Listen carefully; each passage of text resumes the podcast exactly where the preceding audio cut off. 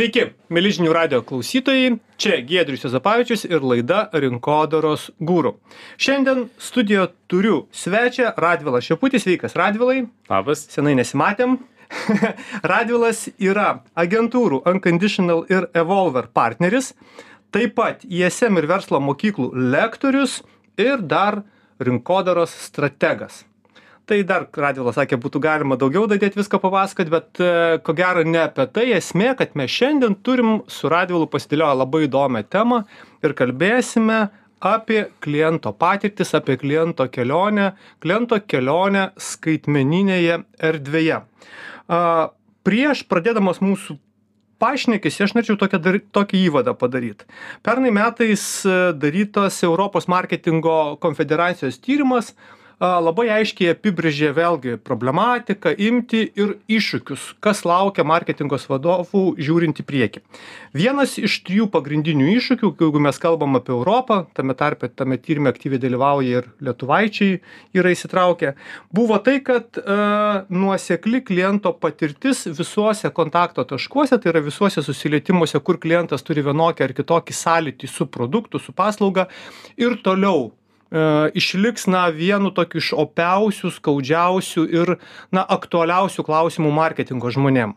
Radvilai ar tu sutiktum su tuo ir kaip tu galvoji kodėl šitas klausimas jisai buvo ir užpernai tame top trejetuke ir pernai? Ir aš kažkaip tikiu nes jau tyrimas yra pasibaigęs čia link vasaros mes gausim ir ir šių metų jau tyrimą. Kažkaip jaučiu kad tas klausimas susietas su kliento patirtim liks ir ateity labai aktualus. Kodėl tai lengviausia pasimokyt turbūt iš savo e, patirties yra tai pažiūrėti į praeitį. Ir e, nuo aštuoniasdešimtųjų jeigu aš neklystu vienas iš avialinijų vadovų Carl Carzon jeigu neklystu e, yra išleidęs knygą e, 50 tūkstančių e, akimirkų.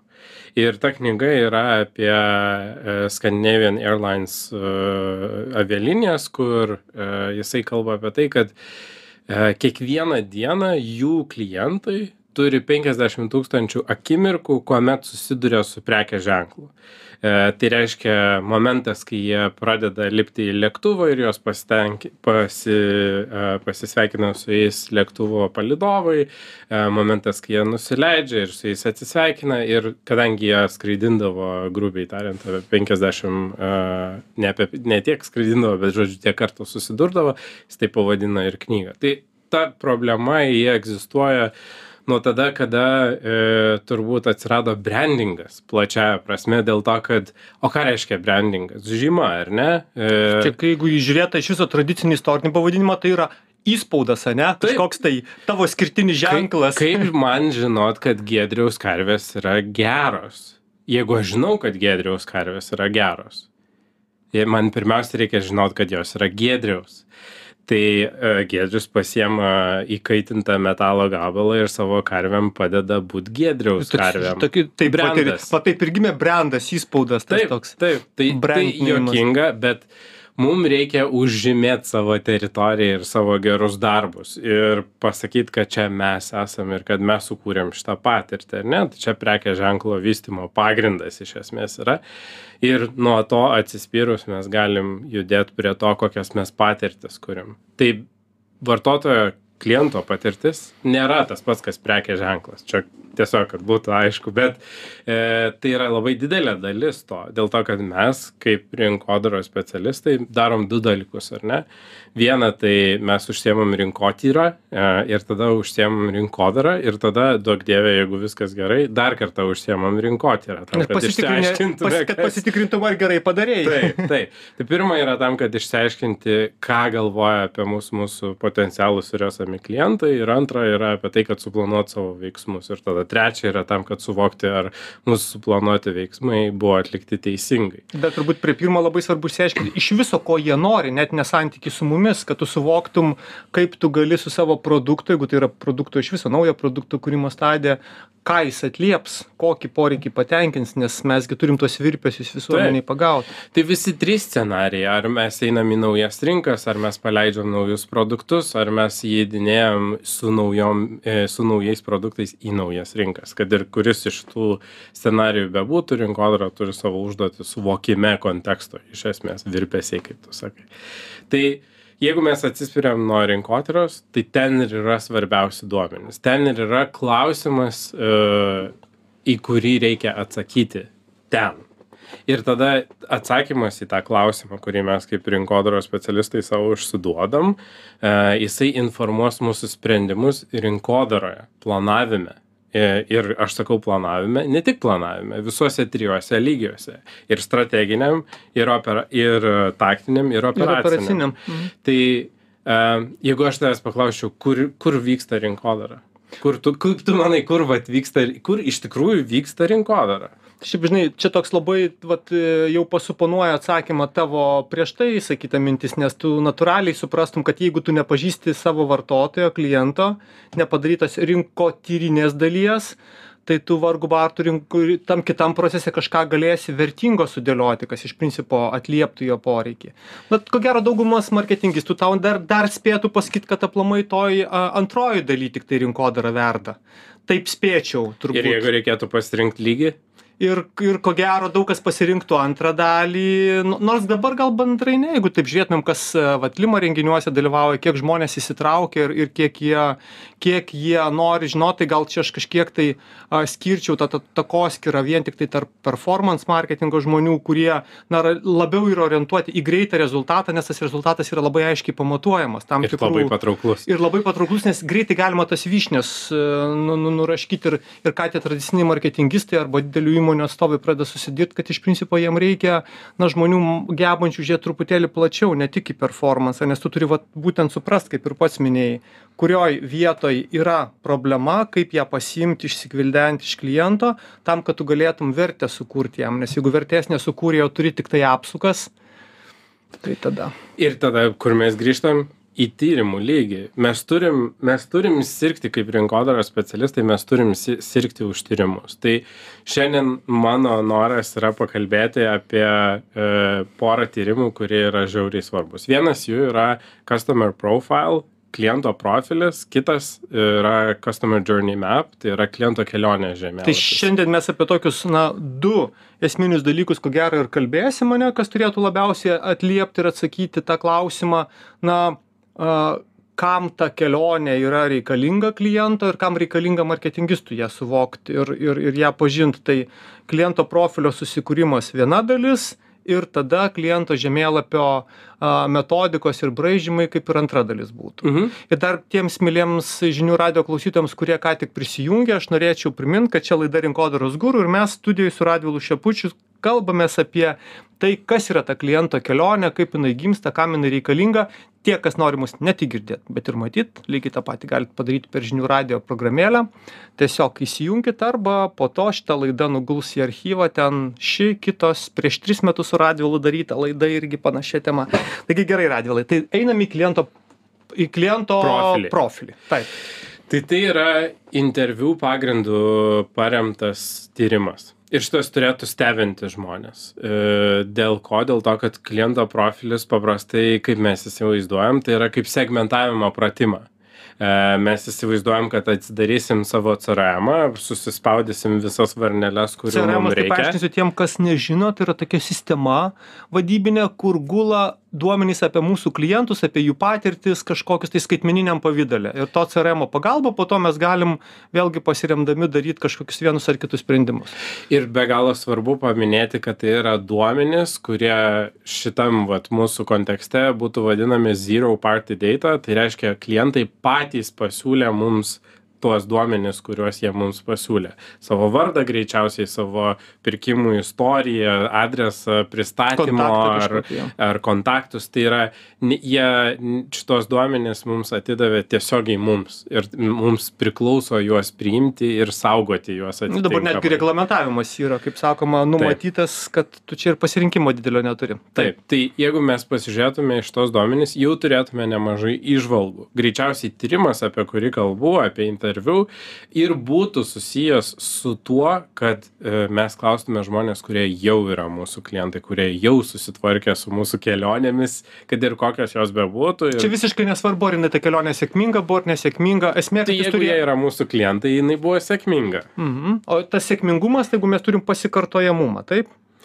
Nebūtinai. Jeigu, jeigu mes turim retus pirkimus, tai ne, ne, ne, nieko nepribursi. E, verslas verslui kontekste, tų klientų negali pasikartojančių labai daug atsirinkti, nes jie arba šiuo metu yra tavo klientai, arba taip, gal pratęsia kontraktus, galbūt ne, bet tu imsi visus savo klientus, gali, prie kurių gali prieiti ir bandysi susirinkti kaip įmanoma kokybiškesnius duomenis. Tai gerai, Radvilai, tai tada jeigu pabandytum dar uh, taip et, etapiškai apibriežti tą kliento būtent uh, vizualo arba portreto kūrimo metodiką, tai mes atsiriamėme duomenimis. Pirmas etapas tai, ką turim, taip? Taip kas labai ką labai svarbu paminėti giedriau tai yra tai kad e, iš kur mes gaunam savo e, spalvinimo departamento vardą kaip rinkodaristai tai yra iš to kad mum nepaprastai sval svarbūs vizualai. Ir jeigu mes įsivaizduojam dabar kad mum būtinai reikia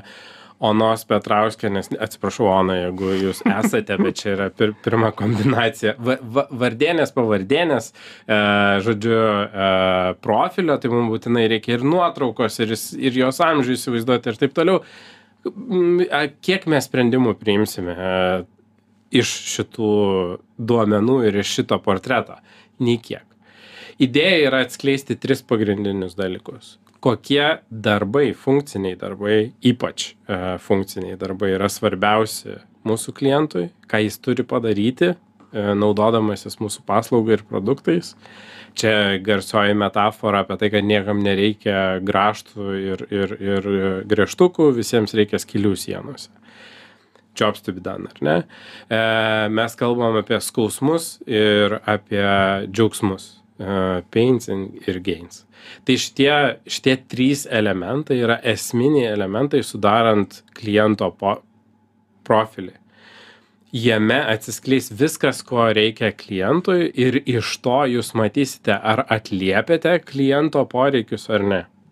Ir ar tai yra e, vardienė pavardėnė, ar kažkokia kita kombinacija jums iš esmės nepadės atskleisti šitų dalykų. O Radė, toks labai praktiškas klausimas, nes tų duomenų įmonėse yra skirtingų, ne visi turi CRM-us, vėlgi ne pas visus akumuliuotai tie duomenys ateina.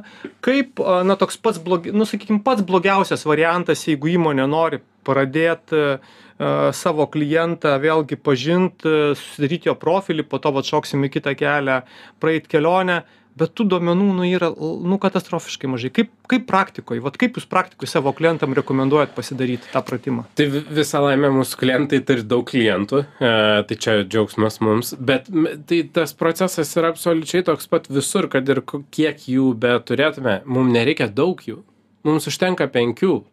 E, bet baimė didžioji yra o tai jūs kalbėsite su jais gyvai taip taip čia yra esminė esmė idėja. esmė kad pasikalbėti su tais taip. klientais yra stru... tai čia pačio menedžmento arba pačios vadybos kuri yra įmonėj jų nuomonės kaip jie mato tą klientą tikrai neužtenka ar pirmam etape ne, gali neužtenka jų jie gali nedalyvaut šitam procese jie nereikalingi ne juos iš, iš ne realiai išpjovė. šitam procese jie jie yra žmonės kurie turi pažinti o ne užsimti informacijos ir duomenų surinkimu ne ne per patį procesą ateina pažinimas o per rezultatus kurie gaunami yra. Čia čia toks ir yra momentas kad atlikti tyrimą gali būti baisu ir todėl tas tyrimas vis slenkasi ir slenkasi prioritetų lentelėje vis žemiau ir žemiau ir pažinimas taip ir neįvyksta.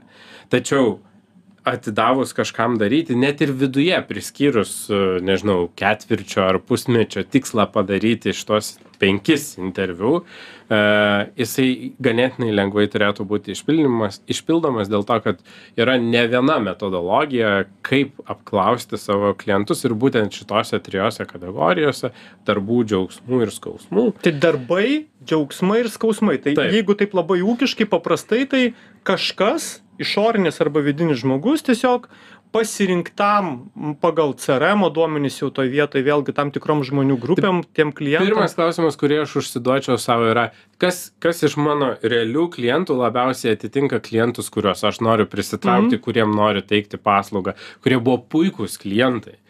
Ir jau jų klausčiau, kodėl jie tapo mūsų klientais, ką mes padėjome jiem atlikti, su kokiais sunkumais jie susidūrė ir kokius džiaugsmus patyrė prieš, per ir po uh, įsigijant mūsų paslaugą. Tai jeigu vėlgi taip labai praktiškai pažiūrėt, tai pirminio tokio panelio darbo su duomenimis reikalas yra pačioj įmoniai, tai yra prasifiltruot, pasižiūrėt, jeigu reikia viduje išsidiskutuoti vis dėlto, kas tas tikslingiausias klientas mum yra, kaip mes suprantam, su kuo mum kaip įmonėje atrodė, kad va čia labiausiai mes e, padarėme laimingus, o tada jau realiai e, neimant šitų duomenų kaip bazinių, reikalinga pasidaryti tuos, kaip tu sakai, giluminius interviu, tai yra pasikalbėti su tais jau klientais išsamei, kad tu gautum jų tiks, tikslų tokį paveikslėlį. Gerai, ką duoda? Tas toks vat, pasikalbėjai, kas gimsta aprašas, e, duomenys, kuriuos po to reikia susintetint. Taip, reikėtų sėsti ir žiūrėti į tuos interviu ir grininti temas. Tai yra e, analizės tipas, e, kur mes, nežinau, dabar galim ir su AI bandyti pasidaryti, jeigu ne, ne lietuviškai ar ne, bet mes galim atlikti e, teminių analizių, klasterio principų, galim atlikti e, ekspertinę interviu analizę. Yra daug būdų, kaip galima žiūrėti į tuos interviu, ar ne, ir gilintis į tai, ką mūsų klientai bandė mums pasakyti, va šitų trijų temų atžvilgių, e, juos jungti į vieną vietą ir grynintis, ką mes matome kaip iš, išsiryškinančias temas, ar ne? Kas, kas tampa tais e, terminais, tais žodžiais, kuriuos naudoja mūsų klientai, nebūtinai jie techniškai teisingi, nebūtinai jie funkciškai atitinka, nebūtinai jie yra realūs apskritai. Nebūtinai egzistuoja tokios galimybės e, apskritai mūsų rinkoje ar, ar pasaulyje ar dar kažkur, bet tai yra tai, ką mūsų klientai mums sako. Bet taip įsivaizduoju, kad yra labai labai svarbu, darant apklausą, iš tiesų klausyti. Taip? Taip. Klausyti Du- du- ir, ir du- girdėti. darbai, taip. Klausyti ir girdėti, ką klientas sako. Ne tai, ta prasme, nepardavinėti savo paslaugos. Ne, neturi nieko bendro. Jo, nedaryti jokio, kaip sakoma, e, įtakos į vieną ar kitą pusę, tiesiog klausyti. O kaip šitą vietą iš tavo praktikos yra geriau? Vis dėlto tada, kad ateitų ir tą padarytų jau ne įmonė žmonės, tą apklausą tų klientų, ar, ar nuo to rezultatas labai smarkiai nes, nesikeis?